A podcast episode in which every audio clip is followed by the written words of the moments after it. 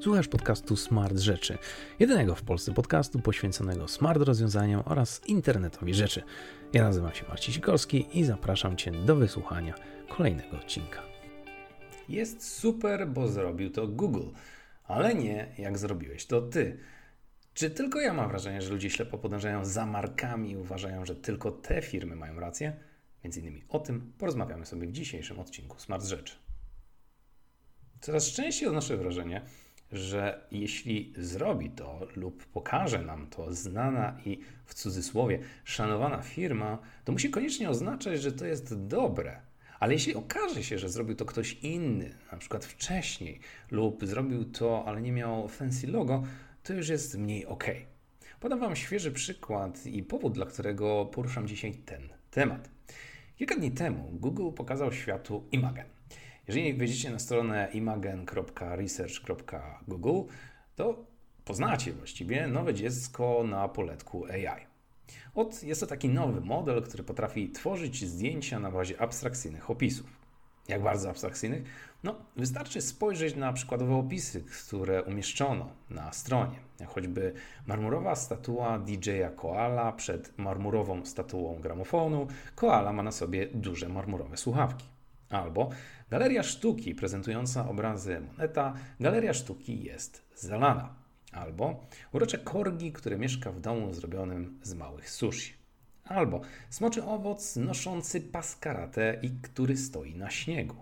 Albo jeszcze inny, bielik zrobiony z proszku czekoladowego, mango i bitej śmietany. Innymi słowy, Imagen tworzy fotorealistyczne obrazy z tekstu wejściowego. Rzeczywiście, jeśli spojrzymy sobie na te opisy, to sami musicie przyznać, że są dość abstrakcyjne. Są to takie opisy, które nawet jeśli no, chciałbym samemu wyszukać takie zdjęcia, na przykład w Google, to musiałbym spędzić no, odrobinę czasu, aby znaleźć dokładnie te, które są mi potrzebne. Ale Imagen jest na tyle inteligentny, że jest w stanie samemu zrozumieć te słowa, samemu je połączyć i stworzyć coś z niczego. Z jednej strony, jak zawsze, bardzo duży szacun z mojej strony, bo każdy nowy model przybliża nas do coraz ciekawszych wynalazków i odkryć.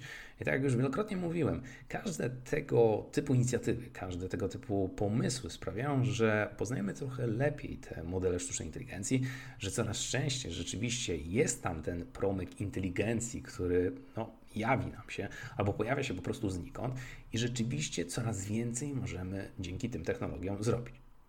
Z drugiej jednak strony krew mnie zalewa, kiedy widzę, jak popadamy w hura optymizm tylko dlatego, że zrobił to Google. I teraz o co mi chodzi? Ten news, o którym teraz Wam mówię, jak tylko pojawił się w sieci, to właściwie rozlał się wszędzie. Na Twitterze, na Facebooku, czy właściwie na mecie teraz, różnego rodzaju stronach, gdzie ludzie szerują informacje. Dodatkowo pojawiły się dziesiątki artykułów, w których ich recenzenci, felietoniści czy redaktorzy samozwańczy mówili zdania typu Imogen zdetronizował Dali 2 i przeniósł go do pozycji przegranego. Nie wiem, czy słuchaliście kilka odcinków temu, jak opowiadałem właśnie o projekcie DALI, czyli takiej sztucznej inteligencji, która robi dokładnie to samo co Google. Robi dokładnie to samo. Czyli wpisujecie jakieś abstrakcyjne słowa, ono je rozumie, a następnie je publikuje w postaci jakiegoś zdjęcia, właściwie dziesiątek zdjęć, które samemu możecie wybrać, które waszym zdaniem jest najodpowiedniejsze, najbardziej kreatywne albo najciekawsze. I super. Też zauważcie, że jak dali dwa, bo to jest druga iteracja, miesiąc temu ogłosił te informacje, no to świat powiedział spoko, niektórzy się zachwycili, ale gdzieś przeszło bokiem bez większego echa. Ale jak powiedział to Google, o, no to jest inny temat do dyskusji. Przecież to zrobił ten Google, to jest fantastyczne, niesamowite. Ja rozumiem, że nie każdy z nas musi śledzić wszystko to, co się dzieje na rynku, ale skąd się bierze to ślepe posłuszeństwo wobec marki? Dlaczego tylko dlatego, że zrobił to Google, nagle mamy zapomnieć o tym, że ktoś wcześniej zrobił dokładnie to samo, albo nawet lepiej, bo Osobiście, tak moim zdaniem, uważam, że DALI jest dużo ciekawszy albo daje dużo lepsze rezultaty, przynajmniej na tym etapie.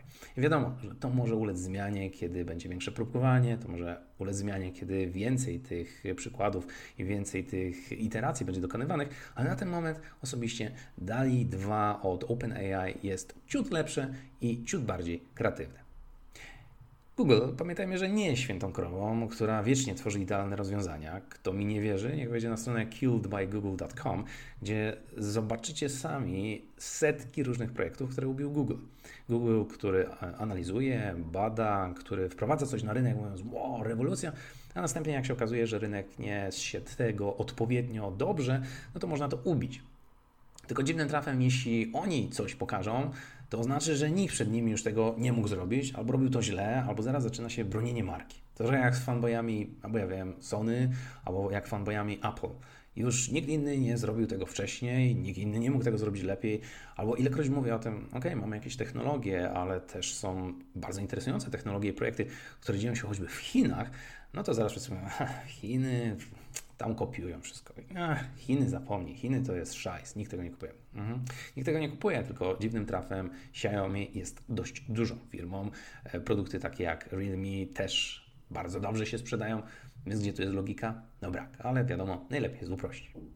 Ja wiem, że Google to taki kolos, który posiada niewyobrażalne wręcz zaplecze finansowe, czasowe i ludzkie i może pozwolić sobie na to, aby realizować setki, jak nie tysiące takich projektów.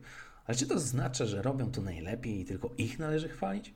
Przecież takich projektów, które są bardzo podobne do tego, co już zrobił Google, albo co na przykład jest lepsze od Google w niektórych choćby obszarach, i co więcej, te projekty są już nawet w oficjalnej fazie, więc to nie jest tak, że są jakieś startupy czy czysto teoretyczne badania, ale fizycznie możemy sprawdzić sobie ten kod albo fizycznie sprawdzić, jak działa no, to, co stworzyli ci kreatywni twórcy, jest całkiem wiele. Mamy na przykład taki algorytm, czy taką sztuczną inteligencję, która nazywa się SayCan. Jest to taki model, którego zadaniem jest rozwiązywanie skomplikowanych zadań na bazie językowych komend. Chodzi o to, że mamy nasz świat, który jest bardzo abstrakcyjny i chcemy, aby można było przekazać te komendy w sposób, który jest wygodny dla nas, ale dla maszyny, po to, aby ona zrozumiała, o co nam chodzi. No, nie będę za każdym razem używać e, dziesiątek prostych zdań, tylko powiem jakieś abstrakcyjne zdanie typu rozlała się kola, weź to wyczyść. Albo powiem, wróciłem z treningu i teraz jestem zmęczony, przynieś mi coś do jedzenia. No, nie są to proste komendy do zrozumienia. Nie są to proste komendy do interpretacji, a przynajmniej nie w takiej postaci, jaką teraz przedstawiłem. I dla nas, dlatego że no, pracujemy na bardzo wysokim poziomie abstrakcji, są one zrozumiałe, a dla takiej maszyny trzeba spróbować w jakiś sposób je zrozumieć. No i twórcy Seiken stwierdzili, że podzielą sobie świat na takie dwa parametry. Jeden to będzie prawdopodobieństwo, prawdopodobieństwo tego, co miałeś ty na myśli, tak? prawdopodobieństwo tego, co powinno się wydarzyć, jeśli ty coś powiedziałeś, a drugi to jest niejako takie prawdopodobieństwo wynikające z okoliczności, w których się znajduje. Czyli jeśli jest na przykład w kuchni i powiedziałeś mu, że wylało się coś, no to może ten sprzęt się rozejrzeć wokół za pomocą kamery, zobaczyć na przykład gąbkę i zacząć sobie analizować, hmm, jeśli coś się wylało, to czy powinienem w pierwszej kolejności yy, przynieść coś do jedzenia? No nie. Yy, to może podnieść to, tak, ale jeszcze coś innego. Yy, może powinienem to wytrzeć. Ok, więc motyw wycierania będzie prawdopodobnie najwyżej ranguje się go w jakiś tam sposób, da się mu odpowiednią wagę, a następnie przemnoży się to przez wskaźnik wynikający z tego, gdzie się znajduje. Więc jeśli jestem na dworze, no to raczej małe prawdopodobieństwo, w sensie ta maszyna się znajduje, że tutaj na przykład jestem w stanie wytrzeć. Tak?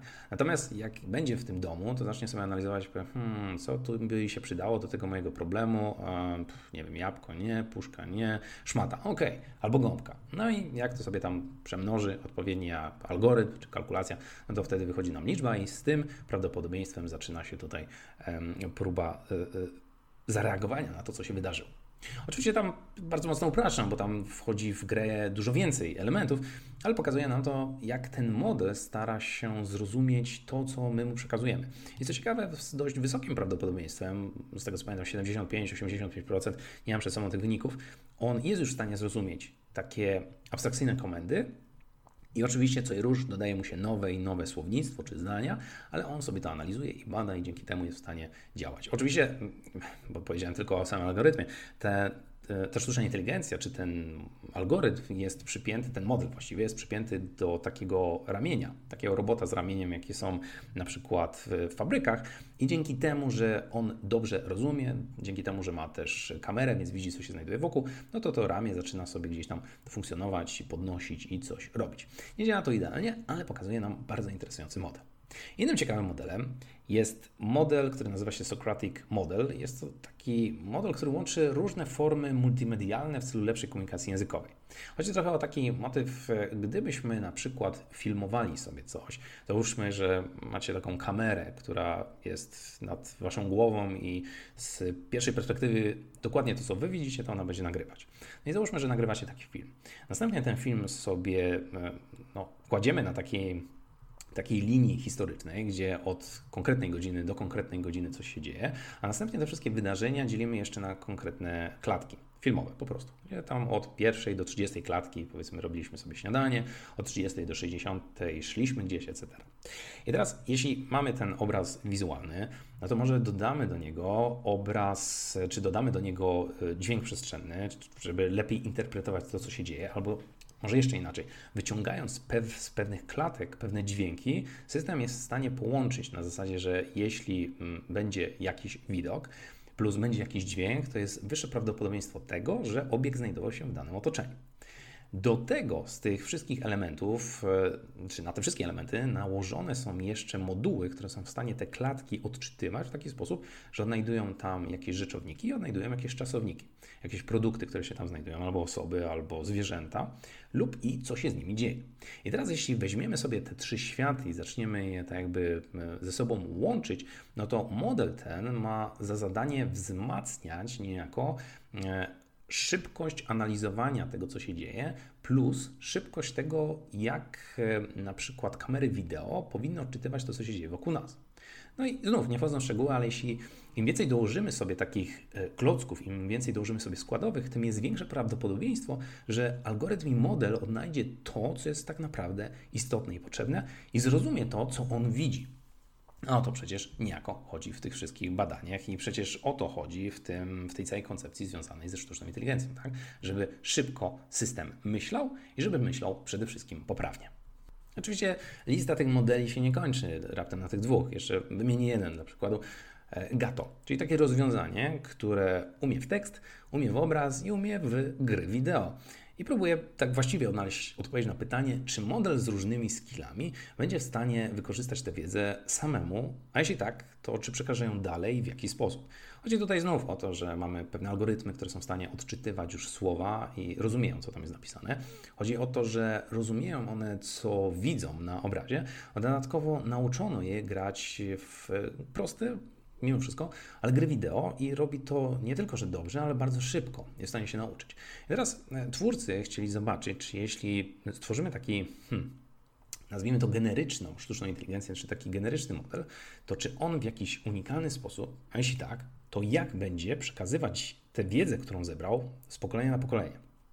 Jak szybko to zrobi, jak szybko przekaże kolejnej iteracji tę wiedzę, którą już zdobył, e, czy użyje do tego jakiegoś określonego sposobu, czy może wymyśli jakiś własny nowy, no to są rzeczy, do których właściwie e, ci wszyscy badacze się sprowadzali i chcieli zobaczyć, co się wydarzy, o co w tym wszystkim będzie chodziło. I znów, e, taka ciekawostka, czy swego rodzaju uzupełnienie tego, o czym mówiłem, ale widzicie, że tych modeli jest całkiem sporo. One co i rusz powstają, albo już są naprawdę w takiej rozwojowej fazie, że można e, wbić się na jakieś API i zobaczyć, jak to działa, albo otworzyć ten kod, albo po prostu to przetestować. Ale ja mam wrażenie, że taki syndrom dużych firm, Apple, Google, Amazon, Microsoft i, i, znanych nazwisk jak Musk, Gates, Bezos czy Zuckerberg jest tak mocny, że nie jesteśmy w stanie się od niego otrząsnąć. Że ilekroć pojawiają się dyskusje dotyczące tego, co oni wprowadzili, to jest uff, skrajnie. Albo super ekstra, albo genialnie, albo z drugiej strony, że o, są wariatami i tak się nie powinno robić. Ale zawsze, że to oni są tymi wizjonerami, to oni są tymi pionerami i że właściwie jeśli nie oni, to świat stałby w miejscu, nic by się nie rozwijało, nic by nie szło naprzód i generalnie byłoby źle. Ja wiem, że może ten mini rage nie jest nikomu potrzebny, ale tak naprawdę z perspektywy kogoś, kto lubi opowiadać o technologii, ilekroć stykam się z sytuacją, że to musi być dobre, bo robi to Google, takie uproszczenie, to zwyczajnie mnie to smuci, bo no, ludzie nie patrzą na makroperspektywę, nie patrzą na to, że jeszcze inni mogli do podobnych wniosków dojść, albo mogli po prostu zrobić to lepiej. Tak? Jeśli ktoś chce zobaczyć, że można robić lepiej, to polecam przeczytać książkę dotyczącą historii Google Maps. Naprawdę wiele osób się zdziwi, skąd wzięło się Google Maps i jaka tak naprawdę historia za tym się kryje. Podsumowując, to, że zrobił to Google, nie znaczy, że no, jest to najlepsze. Nie, nie znaczy to, że oni muszą być najlepsi. Nie, nie znaczy to, że oni są nieomylni. I czasem jest to tylko kwestią marki i dobrego marketingu, i właściwie gdyby nie to, w jaki sposób oni to publikują, gdyby nie to, w jaki sposób oni starają się dojść na rynku do tego, że hej, zobaczcie, zrobiliśmy tego typu fajne inicjatywy, no to tak na dobrą sprawę czasem odnoszę wrażenie, że wiele z tych inicjatyw przeszło bokiem, albo ludzie nie byliby aż tak skrajni w opiniowaniu, twierdząc, że Google to zrobił i zrobił to najlepiej. Nie wiem, czy też zauważacie ten problem i czy też Waszym zdaniem jest on na tyle już palący, że warto o nim mówić, ale ja ze swojej perspektywy widzę go i no, w tym odcinku chciałem po prostu nadmienić, abyśmy tak spróbowali od czasu do czasu nie upraszczać tej rzeczywistości. I to, że ktoś wrzucił newsa mówiący, o, zrobi to Google, nie znaczy, że zrobili to jako pierwsi, albo nie znaczy, że zrobili to najlepiej. Za marką ja wiem, że idzie pewna magia, ale starajmy się zachować pewien zdrowy rozsądek w tym wszystkim, e, co mówimy, albo w jaki sposób e, no, wchłaniamy tę wiedzę z internetu, bo czasami zbytnie upraszczanie rzeczywistości może e, przynieść więcej negatywnych sytuacji czy wniosków, niż tak na dobrą sprawę korzyści. A na sam koniec, zanim zakończę ten odcinek, chciałem podzielić się taką ciekawostką albo czymś po prostu pozytywnym, co spotkało mnie i co też pokazuje, że chyba warto jest mówić o smart rzeczach. Generalnie otrzymałem dzisiaj informację od pewnego CEO na LinkedInie e, pewnej dużej firmy, że no, gratuluję Ci tego, że zostajesz wytypowany na influencera IoT, jednego z czołowych na świecie. Ja też się w tym raporcie znajduję, więc pomyślałem, że mogę dodać Cię do sieci swoich kontaktów. No, spojrzałem na to i takie pytanie, hmm, ale o co chodzi? Nie do końca wiem, o jaki raport chodzi, kto, co, jak. Okazuje się, że wyszedł taki raport e, dosłownie parę dni temu, który nazywa się Who is Who in IoT Influential Voices and Brands. Jest to raport, który wyszedł e, spod rąk Onalytica, takiej firmy, która zajmuje się badaniem influencerów na świecie. Generalnie, jeżeli coś sprzedajecie, przykładowo zapałki i chcielibyście dotrzeć do najlepszych influencerów na świecie, którzy sprzedają zapałki ludziom albo promują zapałki, no to oni Wam przygotują takie zestawienie, oczywiście za odpowiednią opłatą i powiedzą, kogo tam należy śledzić. Ale okazuje się, że co jakiś czas oni wypuszczają tak zajawkowo pewne raporty, w których pokazują, kogo warto, albo pokazują, jak oni działają e, i w jaki sposób w ogóle zbierają tę całą wiedzę. No i okazuje się, że ta firma chyba wie, co robi, bo nawet e, w oficjalnym raporcie możemy przeczytać, że nasz influencowy wyznacznik czy ranking, który, z którego korzystamy, bierze pod uwagę aż 38 różnych algorytmów i generalnie jest to metodologia, której używamy już od ponad dekady i ciągle ją udoskonalamy. Więc e, to nie jest tak, że oni biorą z przypadku tych ludzi, albo po prostu wpisaliśmy sobie IoT, pierwsze 100, co nam wyjdzie, nazwisk, to je bierzemy, tylko biorą pod uwagę zakres i zasięg między innymi LinkedIna i Twittera, analizują ile osób mówi o tym, analizują ile ta persona tak naprawdę do jakich osób dociera, jakimi mediami, w jaki sposób o nich mówi, no i co tam się właściwie w, z tą osobą dzieje, tak? Czy to jest osoba, która jest pasywna, czy to jest osoba, która jest aktywna, osoba, która dużo występuje, osoba, która coś promuje, jakąś markę, CEO jakiejś firmy, etc. E, oczywiście takich rankingów czy tych grup jest tutaj całkiem sporo, bo te persony, które oni stworzyli, podzielili sobie na takie kategorie jak brand employee, czyli jesteś e, najbardziej, e, największym influencerem konkretnej firmy, tak? jako CEO załóżmy Oracle albo CEO Cisco. Potem mamy grupę, która się nazywa Social Amplifiers, to są tacy influencerzy, którzy najczęściej i najmocniej wchodzą w mm, akcje, reakcje, w komentarze, w dyskusje w mediach społecznościowych. Mamy e, medialnych kolów, czyli Key Opinion Leader, czyli takich top of the top, tak? najwyższy rangą ekspert. Trochę jak mm, osoba, która jeśli pojawi się jej nazwisko i ona coś powie, to cały świat za tym idzie, bo wie, że to jest najlepszy z najlepszych. Potem mamy event speakers, czyli takie osoby, które pojawiają się kilkukrotnie, na przykład na eventach w ciągu roku. Content creators, czyli czołowych e, twórców kontentu. E, dziennikarzy, którzy po prostu interesują się e, zagadnieniami. Analityków, którzy analizują raporty i pokazują o co w nich chodzi. No i mamy taką kategorię Academics and Researchers, czyli osoby, że zacytuję, category highlights individuals that have published research or are working in education and or research on the analyzed topic. They must clearly state that they are an academic, professor or researcher in the LinkedIn experience and or Twitter bio. Czyli generalnie osoby, które w jakiś sposób edukują innych albo są bardzo mocno w tym poletku zaangażowani. No i coś się okazuje, że jak sobie przejrzymy te nazwiska, przejrzymy sobie te wszystkie osoby, które się pojawiają, to na 28 stronach e, wśród tych kategorii, gdzie e, tych osób nie jest za wiele, tak, per kategoria. Na przykład persona ma raptem 2, 4, 6, 8, 10, 12, 14, 16, 18, 20 nazwisk. I to jest wszystko. 20 nazwisk z całego świata, tak? Social Amplifiers znów mamy 2, 4, 6, 8, 10, 12, 14, 16, 18, 20. Więc tych nazwisk nie ma za dużo. Koli jest raptem bodajże 10.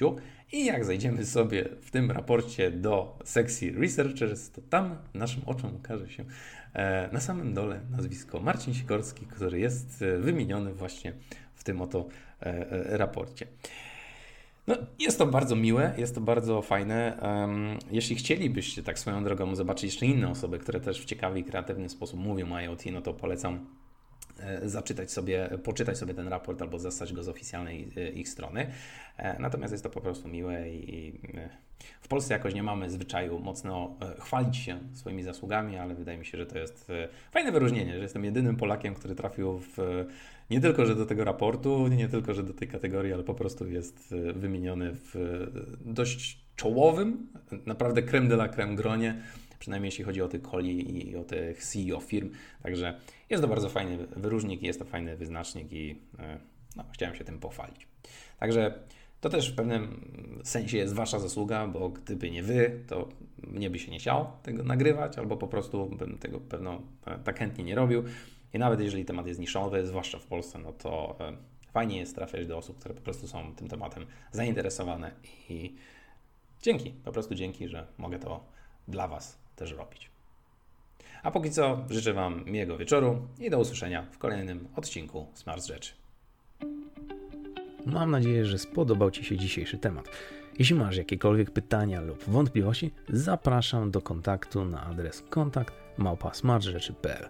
Po więcej materiałów zapraszam na stronę smartrzeczy.pl, a ja, jak zawsze, zachęcam Cię do wysłuchania kolejnego odcinka.